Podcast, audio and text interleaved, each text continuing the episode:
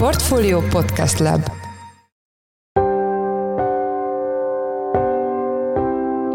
Mindenkit üdvözlünk, sziasztok! Ez a Checklist a Portfolio podcastje november 17-én pénteken. A műsor első részében arról a törvényjavaslatról lesz szó, amely bizonyos munkakörök esetében a munkaadó döntésére bízná, hogy elküldi a dolgozót foglalkozás egészségügyi vizsgálatra, vagy sem. Sokan azt feltételezik, hogy a kevésbé megterhelő, kevesebb ilyen valós nagy kockázattal járó, veszélynek kitett munkakörben törlik el akár irodai munkavégzés, ügyintézői munkavégzés esetében ezt a kötelező munkai vizsgálatot, egészségügyi vizsgálatot, de pont ezek azok a munkakörök, amelyekben a dolgozók akár úgy is értékelték, hogy elmennek olyan munkahelyre, részesítenek előnyben, ahol egyébként elérhetők ezek a vizsgálatok már a jogszabályi változás után is. A témáról Csiki Gergelyt, a portfólió lapigazgatóját, makroelemzőjét kérdezzük. A második részben az ukrán-orosz háború egyik legvéresebb ütközetéről fogunk beszélni, amelyet Avgyívka városában vívnak.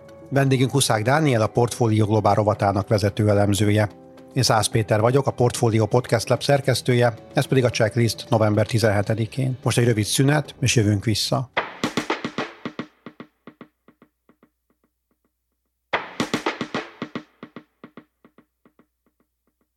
Egy olyan törvénymódosítás kerül a parlament elé hamarosan, amely megszüntetni a kötelező munkaegészségügyi vizsgálatokat a dolgozók esetében, a benyújtott javaslat szerint a cél az adminisztráció és az ezzel kapcsolatos terhek csökkentése, de egy ilyen lépésnek számos negatív következménye is lehet akár az emberek általános egészségi állapotára nézve.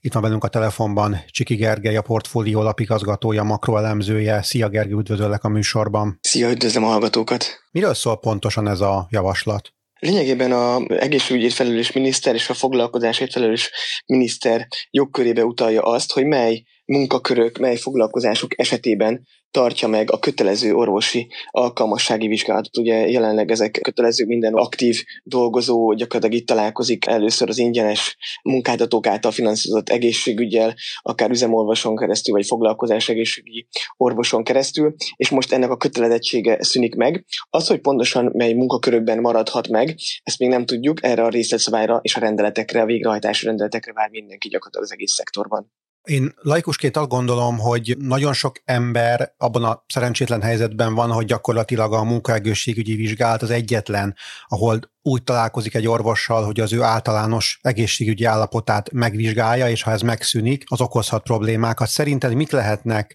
ennek az intézkedésnek már amennyiben megszavazzák a népegészségügyi hatásai? Így van, hogy sokan mondják azt, hogy vannak anekdotikus információk, nincsen arra pontos statisztika, hogy ezek mennyire alapos vizsgálatok, de az, az tény egyébként, hogy több millió embernek csak ez a, körülbelül ez a lehetősége, hogy évente egyszer ilyen orvosi egészségügyi vizsgálaton részt vesz. Sok esetben egyébként ez alapos is lehet, akár egy vérnyomásmérés, a bármilyen egyéb vizsgálaton keresztül kiderülhetnek olyan alapbetegségek, vagy akár ne Isten nagyobb kockázattal járó betegségek időben felismerve, ugye még, még az aktív korban, amelyet ha időben elkezd kezelni, akkor az annak a nagyobb a, a gyógyulási esélye is könnyebben állhat helyre az egészsége, és ugye ezt ne felejtsük el, ez a, ez a munkáltatónak az érdeke is, és végsősorban az államnak az érdeke is, hogy minél inkább aktívak maradjanak és egészségesen tudjanak dolgozni ezek az érintett munkavállalók, és akkor egyébként ez kevésbé veszi el az állam oldaláról a kiadásokat, akár táppénz oldaláról, és akár nem lesz negatív hatása akár az adóbevételekre. Tehát logikusan sok érv szól amellett, hogy ez egyébként így fennmaradjon de egyébként fennáll az innen kieső dolgozók esetében fennáll annak a kockázata, hogy, hogy romlik az egészségnyereség, ezen keresztül, amit, amit elmondtam, és az egészségtudatosság és a betegség esetleges korai felismerésének a lehetősége. Azt azért tegyük tisztába, hogy a munkaadók azok esetileg dönthetnek arról, hogy ők továbbra is biztosítják ezt a szűrést a dolgozóiknak, akár ők is kötelezővé tehetik, saját hatáskörben, ha jól gondolom, tehát ez csak egy nemzetgazdasági szinten szünteti meg a, a kötelező jelleget. Így van, és vannak olyan HR munkaerőpiaci szakértői vélemények, hogy ez akár a jövőben egyfajta megkülönböztetése is lehet, hogyha valaki kötelező jelleggel kínálni fog a jövőben is munkáltatóként ilyen foglalkozás egészségügyi vizsgálatot, az egy ilyen jó pont lehet azoknak a munkavállalók szemében, akiknek ez, ez fontos. Ugye jellemzően azt gondolnánk, hogy nem tudjuk még, hogy milyen munkakörökben nem lesz kötelező ez a foglalkozás foglalkozás vizsgálat, de sokan azt feltételezik, hogy a kevésbé megterhelő, kevesebb ilyen valós nagy kockázattal járó, veszélynek kitett munkakörben törlik el, akár irodai munkavégzés, ügyintézői munkavégzés esetében ezt a kötelező munkai vizsgálatot, egészségügyi vizsgálatot, de pont ezek azok a munkakörök, amelyekben a dolgozók akár úgy is értékelték, hogy elmennek olyan munkahelyre, részesítenek előnyben, ahol egyébként elérhetők ezek a vizsgálatok már a jogszabályi változás után is. Ha ezt bevezetik, ezt a jogszabályt, megszavazzák, akkor ez hány orvost érinthet, és milyen hatása lehet az egészségügyi ágazatra? A KSH-nak vannak elérhető adatai, hogy a foglalkozás egészségügyi tevékenységet hányan végzik Magyarországon, ez még a 2000-es évek elején 3500 környékén volt, most ez 2000 főre csökkent, és valóban, ugye, hogyha feltételezzük már pedig ugye a, a kormány valamilyen szándékból ezt létrehozta, tehát nyilván az a célja, hogy végső soron a, a vállalatok kisebb adminisztratív teherrel szembesüljenek, tehát vannak olyan vállalatok, gondolom, hogy hallott olyan véleményeket, akik abban gondolkodnak, hogy ezt szeretnék ezt a tevékenységet leadni.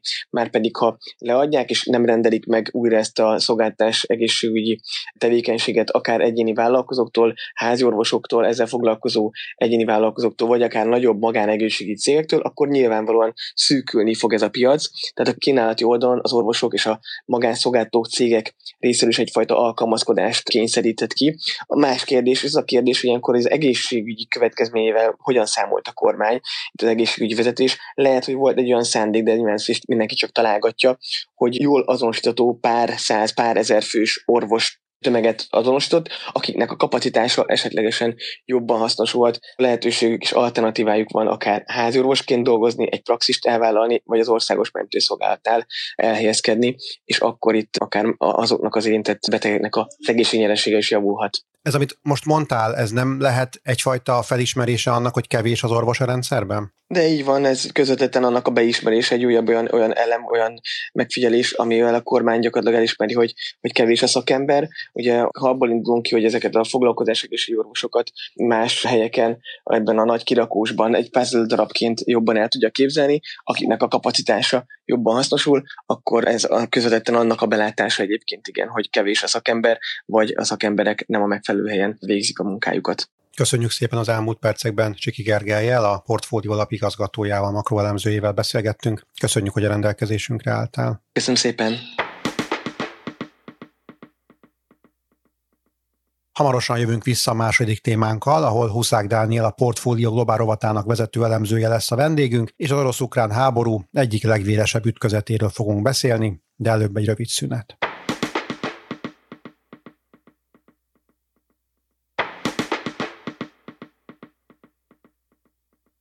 Ezekben a percekben is folyik az orosz-ukrán háború egyik legvéresebb ütközete, a Donetsk mennyében fekvő Avgyívka városának ostroma, ez nem most kezdődött, az oroszok már több mint egy hónapja támadják, annak ellenére, hogy hatalmas vesztességeket szenvedtek el itt. Itt van velünk a telefonban Huszák Dániel, a Portfólió Globál robotának vezető elemzője. Szia Dani, üdvözöllek a műsorban. Szia Peti, üdvözlöm a kedves hallgatókat. Miért olyan fontos ez a város? Lehet párhuzamot vonni Bahmuttal, ahol ugye szintén inkább elvi, mint sem stratégiai jelentősége volt az ostromnak? Kicsit más a helyzet, több szempontból is. Egyrészt ugye arról van szó, hogy Avgyívka valójában egy kisebb település, mint Bakhmut. Bakhmut az körülbelül egy 80 ezeres lélekszámú település volt, Avgyívka pedig mindössze 30 ezer. Ugyanakkor a stratégiai fontossága ennek a, ennek a kisvárosnak mégis sokkal nagyobb, mint Bakhmutnak.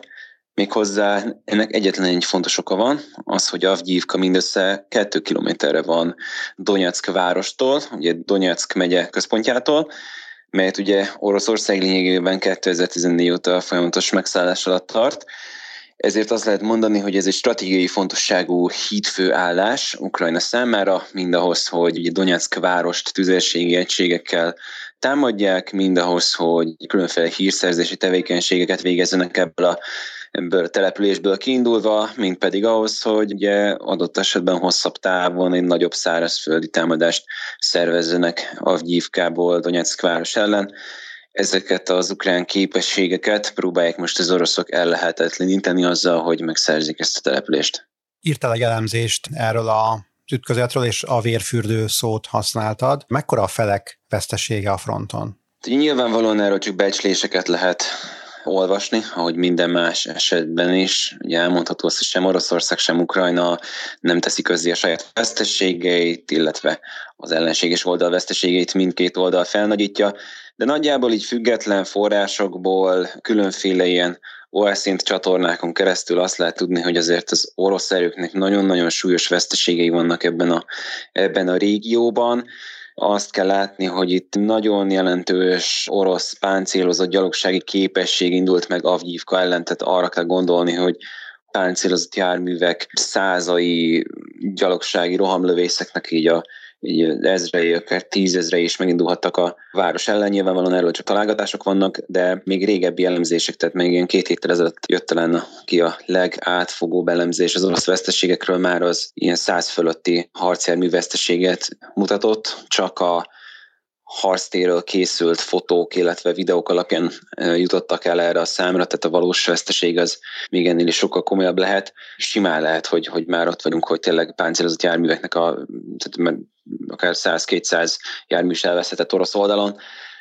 Nyilván a gyalogsági veszteségekről pedig, pedig még csak becsléseket is nagyon nehéz mondani valószínűleg ez soha nem fog kiderülni. Ukrajna veszteségeiről pedig szinte semmilyen információ nincsen. Nyilvánvalóan az ukrán légvédelem az nem engedi közel a, az esetleges veszteségeket felmérni képes orosz drónokat Avgyívkához, az ukránok pedig nem publikálnak a saját veszte semmilyen adatot. Nyilvánvalóan lehet arról is különféle blogbeszámolókat, harctéri jelentéseket olvasni, hogy igazából mindkét fél, tehát az oroszok és az ukránok is úgy érzik, hogy ami történik Avgyívkánál, mind a harcok intenzitását, mind pedig a veszteségeket tekintve mindkét oldalon, nem biztos, hogy megéri még egy stratégiailag azért szignifikánsabb város ellenőrzését sem, mint amekkora veszteségek vannak. Tehát komoly a helyzet. Talán kijelenthetjük, hogy 2023 eddigi legdurvább csatája zajlik a település körül.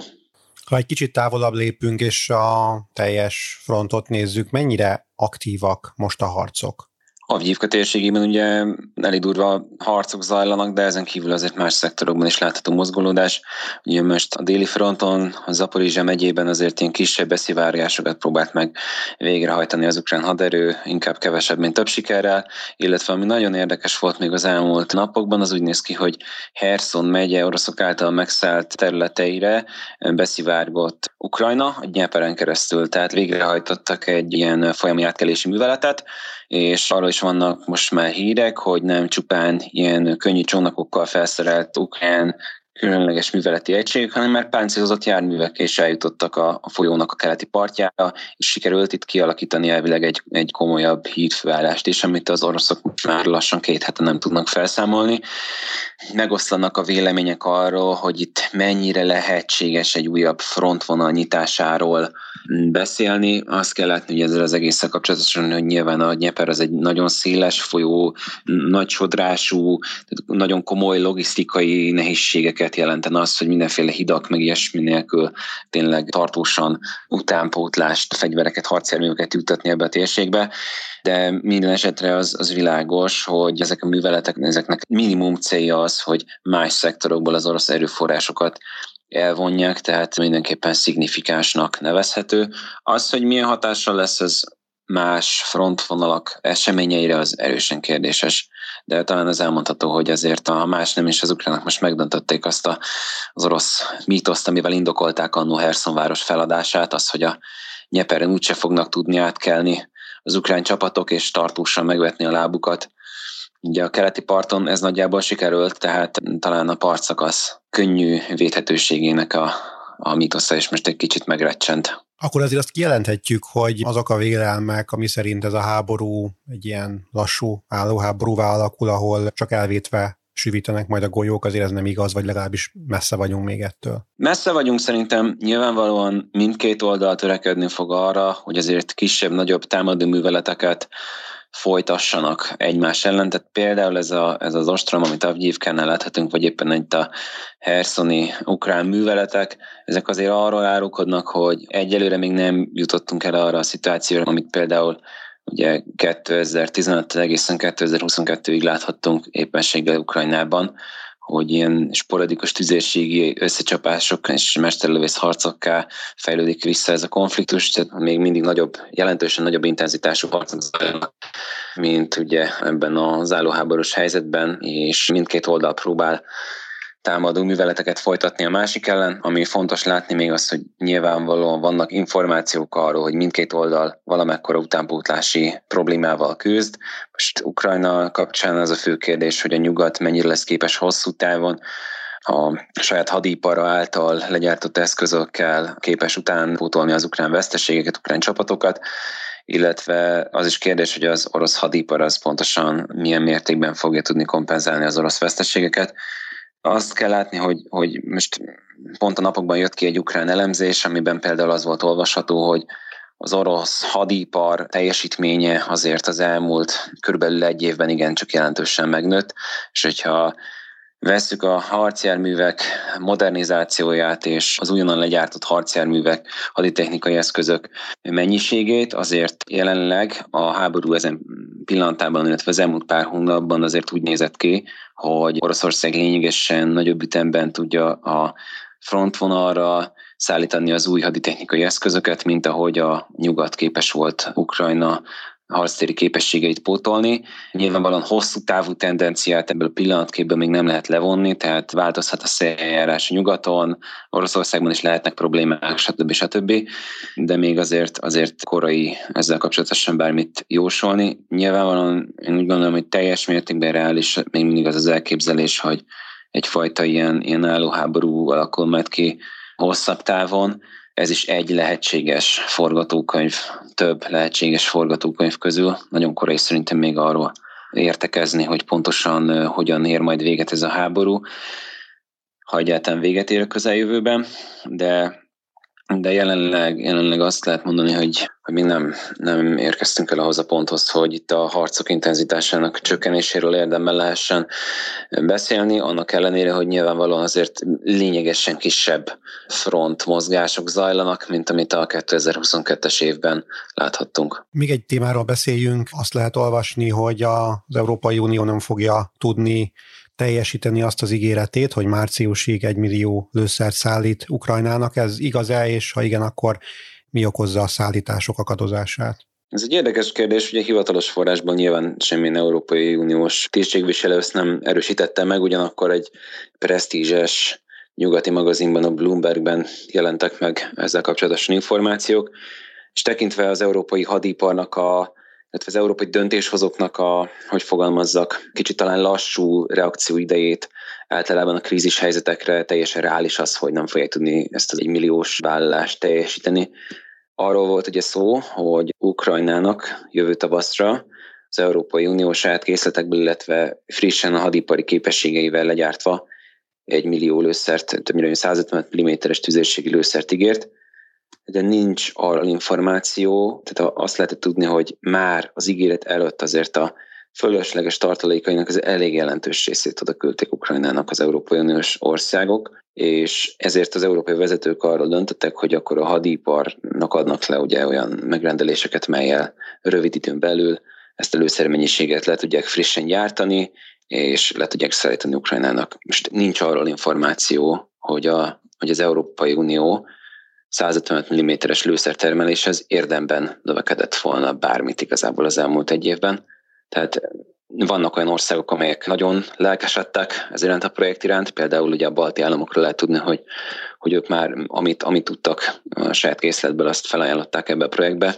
Nyilván vannak olyan országok, amelyek kevésbé lelkesednek ez iránt a projekt iránt, de azt is lehet tudni, hogy a, az európai hadipar felpörgetése egy olyan dolog, amire azért számos európai vezető ígéretet tett az ukrajnai háború kezdete óta, lényegében nagyon nem úgy halad, ahogy ennek haladnia kéne. Itt ilyen hatalmas nagy összegeket dobáltak az európai vezetők arról, hogy milyen összegekkel fogják ugye növelni a védelmi beszerzéseiket, de igazából a hadipari információk alapján, hadipari vezetők nyilatkozatai alapján nem lehet azt látni, hogy érdemben ugye megugrott volna akár a harcjárművek beszerzése, akár a lőszergyártás felpörgetése, akár legyen szó a légierő korszerűsítéséről, és ami Európa számára kritikusan szerintem egy egy nagyon háttérbe helyezett dolog a, a drónharcászattal kapcsolatos megrendelések felpörgését sem látjuk, és egyébként ez tényleg egy olyan téma, ahol, ahol Európa Oroszországhoz, Kínához, az Egyesült Államokhoz képest nagyon-nagyon el van maradva,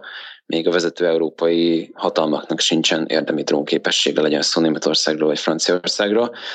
Pedig látjuk, hogy ezek az eszközök mennyire fontosak az ukrajnai háborúban. Tehát ez, ez egy nagyon nagy probléma szerintem, illetve arról is beszélni kell, hogyha neten eljutnak végre az európai vezetők addig, hogy összerakják a kellő finanszírozási keretet a védelmi ipar felgyorsításához.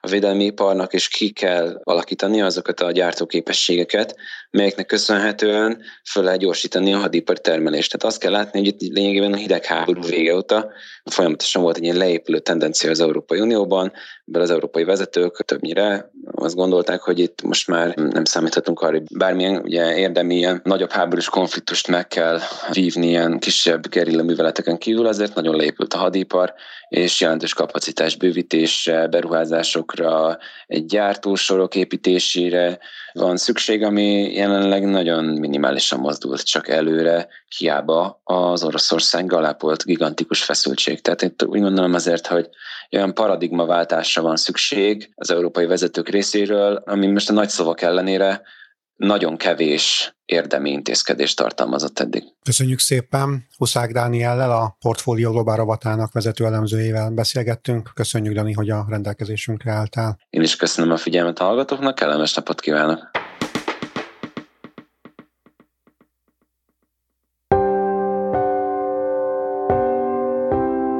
Ez volt már a Checklist, a Portfólió munkanapokon megjelenő podcastje. Ha tetszett a műsor, és még nem tetted volna, iratkozz fel a Portfólió Checklist podcast csatornájára valamelyik nagyobb platformon, például Spotify-on, Apple vagy Google podcasten. Ha segítenél nekünk abban, hogy minél több hallgatóhoz eljussunk, akkor értékelj minket azon a podcast platformon, ahol ezt a mai adást is meghallgattad.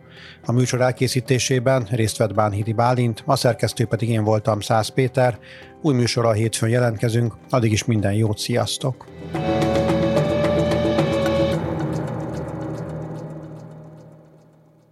Reklám következik.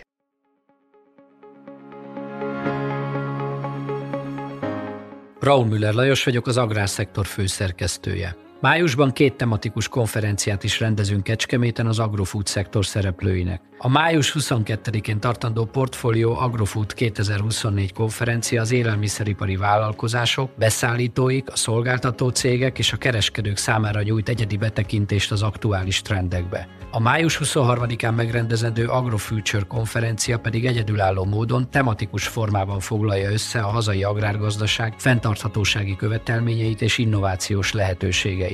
Jöjjön elő is, részletek és jegyek a portfolio.hu per rendezvények oldalon.